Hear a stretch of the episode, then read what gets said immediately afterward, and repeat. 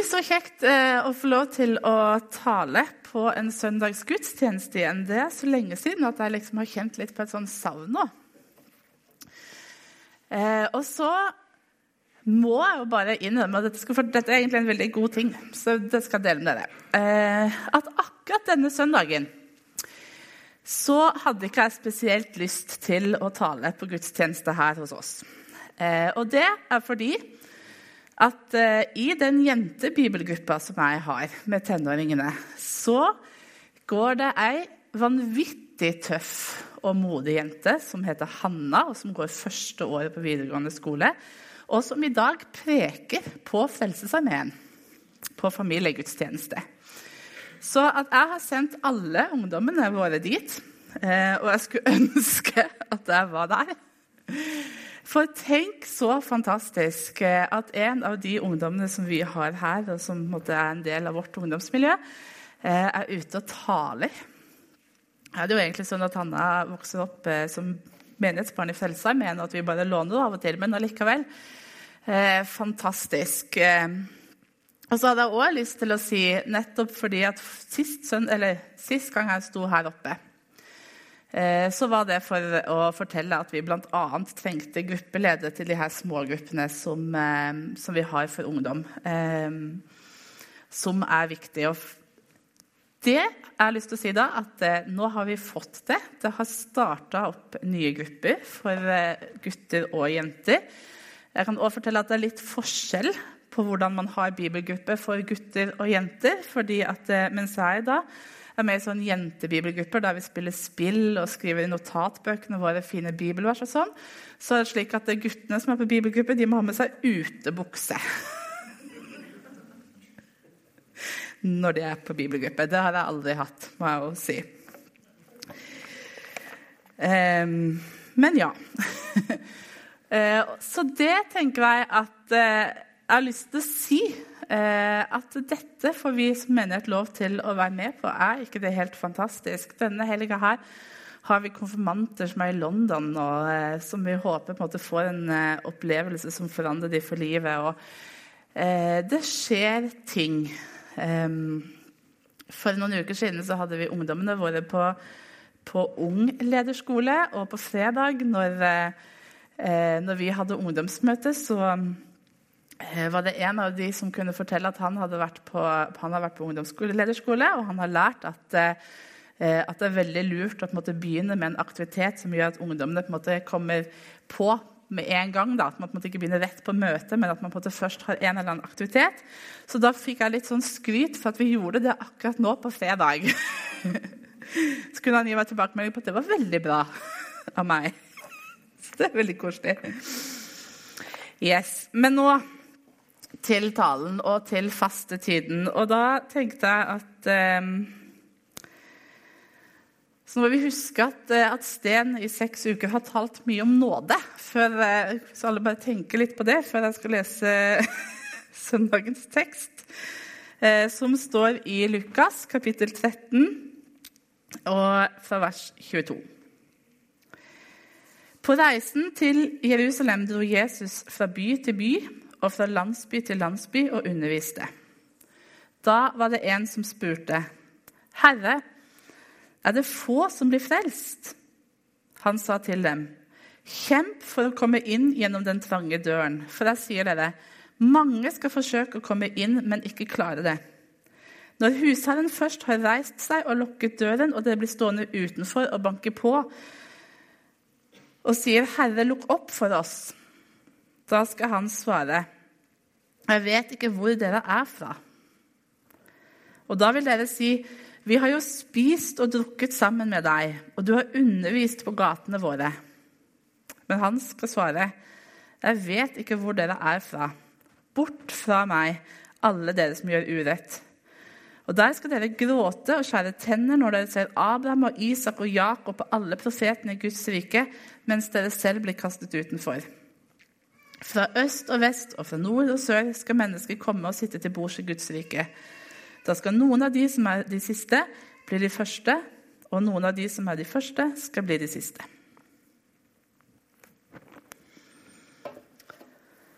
Så trang er porten, og få er de som kommer igjennom. Um, og så har jeg tenkt å begynne å snakke litt om dette med trangt. Eh, og da skal jeg fortelle om trange sko. Og dette er, helt, det er en helt sann og selvopplevd historie. Jeg, jeg syns det er kjempekjedelig å pynte meg og kjøpe, eller, og kjøpe pentøy og pene sko. Jeg syns nesten alltid at det er helt unødvendig. Og jeg har sagt mange ganger Eh, for jeg var ganske liten, og senest faktisk i forrige uke eh, at jeg kunne aldri vært en sånn som på en måte skulle gifte meg i sånn hvit kjole og på en måte hele den pakken der. For hvis jeg skulle ha brukt så mye penger på, en, på klær, så må det i alle fall være Gore-Tex. Eh, og sånn har det vært helt siden jeg var liten. Mamma og pappa har en kassett med et lite lydopptak av meg når jeg skal i eh, min første juletrefest. Der de, eh, hvor vi snakker om måte, den kjolen da, som, eh, som, jeg ønsker meg. Og da tenker Jeg at jeg tror ikke at jeg ønsket meg en kjole. Jeg tror måte, det var en del av premisset at det måtte være en kjole. Og så snakker jeg på denne kassetten om hvordan den skal ha sånne pipefigurer under armene, sånn at jeg bare kan gjøre sånn, og så skal det lage morsomme lyder. Og så skal det på en måte være noe sånn glitter, noe som blinker. Og så husker jeg hvor skuffa jeg var når jeg fikk en sånn blå fløyelskjole med masse sånn blonde krager. Den er sikkert veldig fin. Men, og da var jeg to og et halvt, tre år, kanskje. Eh, og allerede da syntes jeg at dette var helt bortkasta. Og så har vi gjennom hele min oppvekst gjerne hatt sånn doble sett med klær. Vi har hatt de klærne som jeg faktisk går med, og så har vi hatt de klærne med blonder. Eh, alle skjørtene og kjolene og rosene. Mamma er utrolig glad i roser. Eh, som mamma ville at jeg skulle ha gått med. og så, på et tidspunkt i livet, eh, så ble jeg på en måte så stor at jeg måtte flytte hjemmefra. Eller måtte, og måtte. Man gjør jo det. Og så ble det på en måte plutselig mitt ansvar. og Dette er på en måte fortellingen om da jeg skulle kjøpe de første fine skoene mine.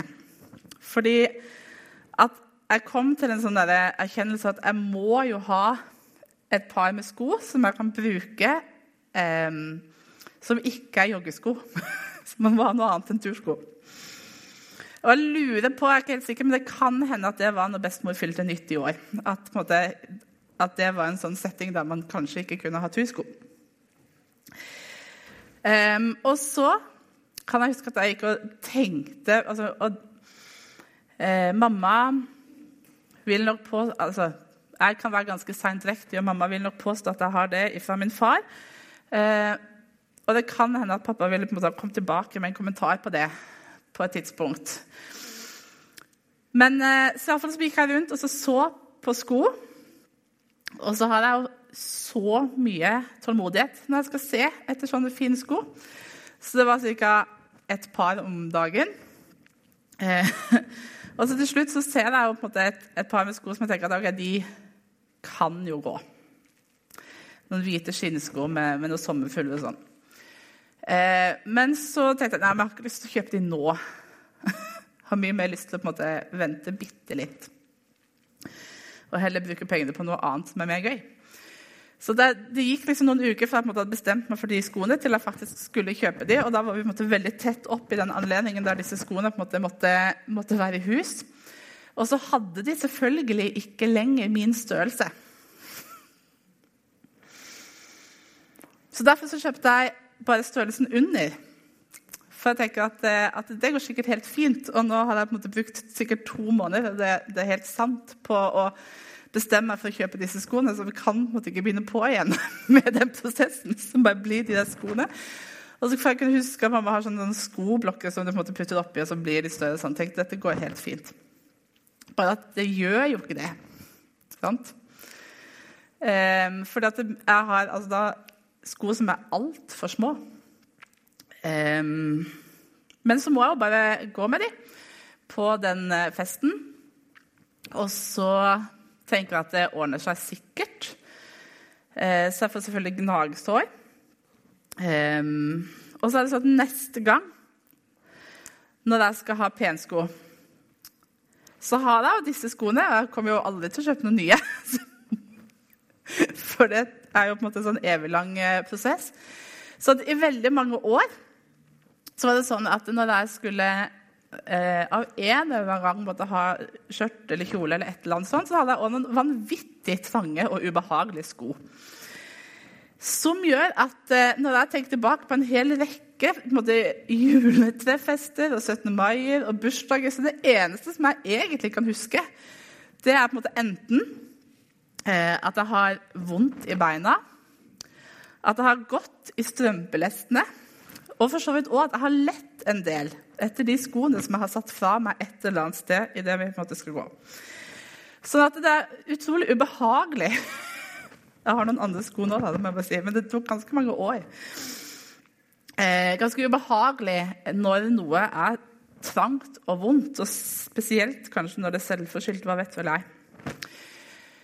Um, og så er det jo på en måte sånn, I møte med denne teksten så er det på en måte, dette er et av mine bilder på en måte trangt og ubehagelig. At noe på en måte er vanskelig og vondt. Eh, og så er det sånn som at Jesus i denne teksten så fremstår han på en måte ikke sånn som vi typisk ser for oss at Jesus gjør. Fordi at Når jeg tenker på Jesus og Jesus i møte med mennesker, så vil jeg på en måte tenke at han var en som sier at det gjør porten altså, høy, gjør den høy og porten vid. Eh, eller her er det plass for alle. Her er en åpen dør. Kom. Eh, og til og med måte, i den nære konteksten, altså rett før dette skjer, så har vi hos Lukas kan vi lese om at Jesus helbreder en kvinne på sabbaten, og at fariseerne reagerer på det. Eh, og at Jesus kritiserer dem for at de setter sabbaten og det å holde sabbatsbudet hellig eh, høyere enn det å hjelpe et menneske som er i behov for hjelp. Så Dere ville jo ha tatt med dere oksen deres ut så han kunne få vann selv på sabbaten. Mens denne kvinna som måtte ha lidd med denne sykdommen i årevis, skal på en måte ikke kunne helbrede. Og så har han snakket om eh, sennepsfrøtroen, som er som et bitte lite sennepskorn, og som vokser og blir på en måte noe uendelig stort. Eh, og så får han dette spørsmålet fra en mann er det få som er frelst, blir frelst. Og så ville jeg tenkt at Jesus her da burde ha svart at nei, selvfølgelig ikke. Her er en åpen dør, det er plass til alle. Og så er det ikke det han sier. Og så liker jeg det ikke helt heller når han da sier at nei. Eh, kjemp for å komme inn gjennom den trange døra. For mange skal forsøke å komme inn, men ikke klare det. Og så tenker jeg at det står ikke hvem som spør, så det vet vi jo egentlig ikke. Men, men Jesus lever i en kontekst med mennesker som, der det fins religiøse og politiske ledere som opplever at de har et mandat på å definere hvem som er innafor, og hvem som er utafor. At eh, hvis du er født som jøde så er du en av Guds utvalgte folk, og du er innafor. Og det er bra. Og hvis du ikke er født som jøde, så er du utafor, og så må du på en måte ta konsekvensen av det.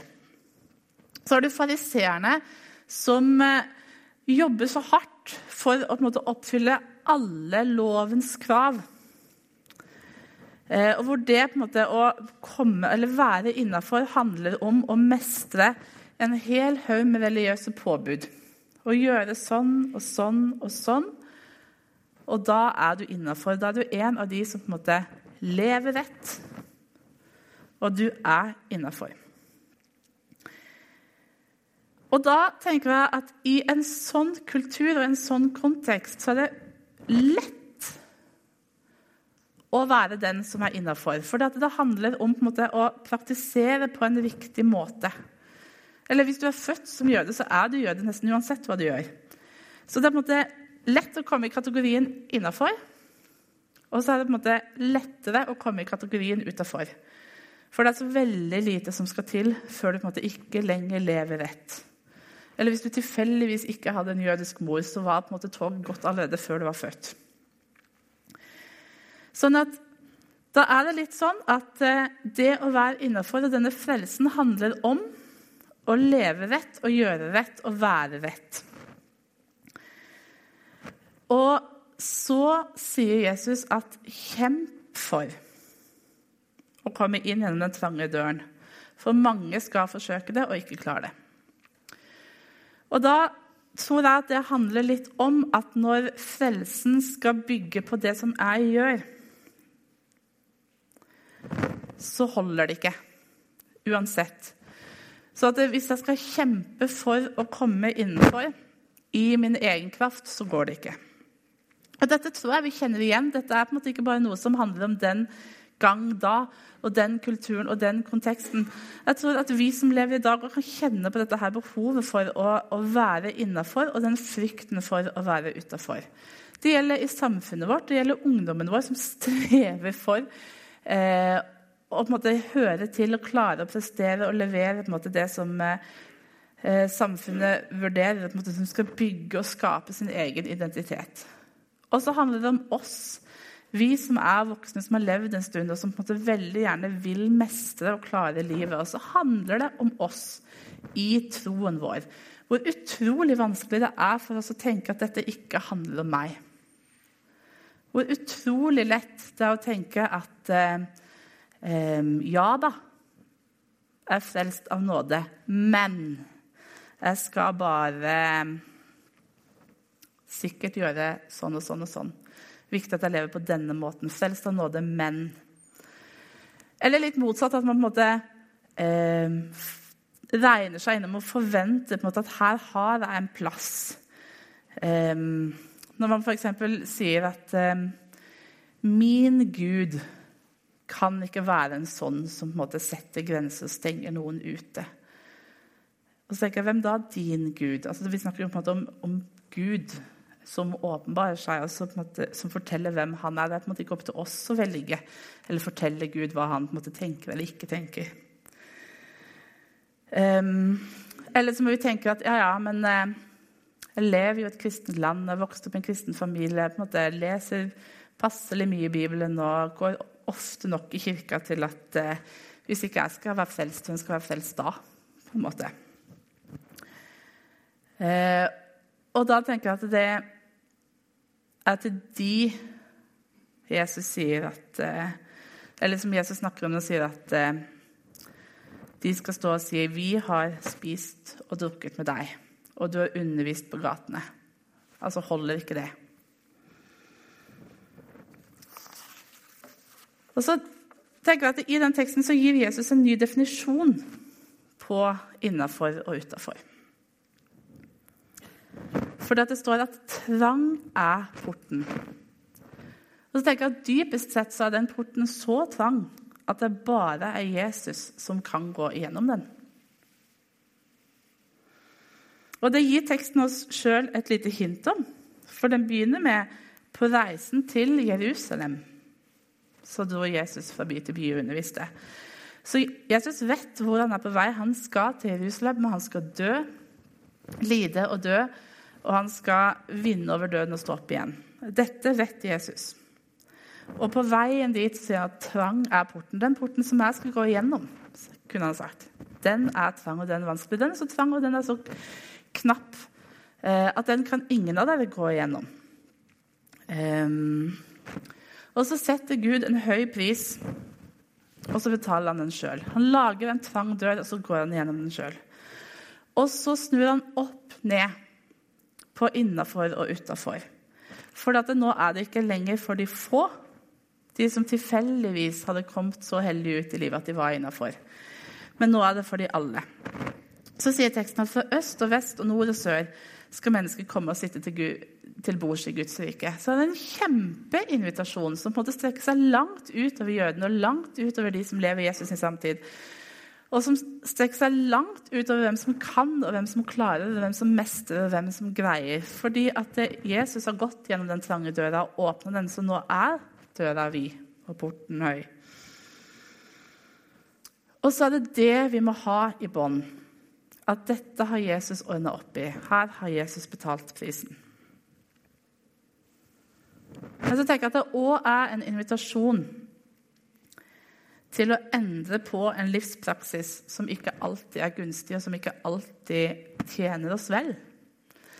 Og Da syns jeg at de er så fine, disse her versene som Astrid også leste innledningsvis fra Jesaja.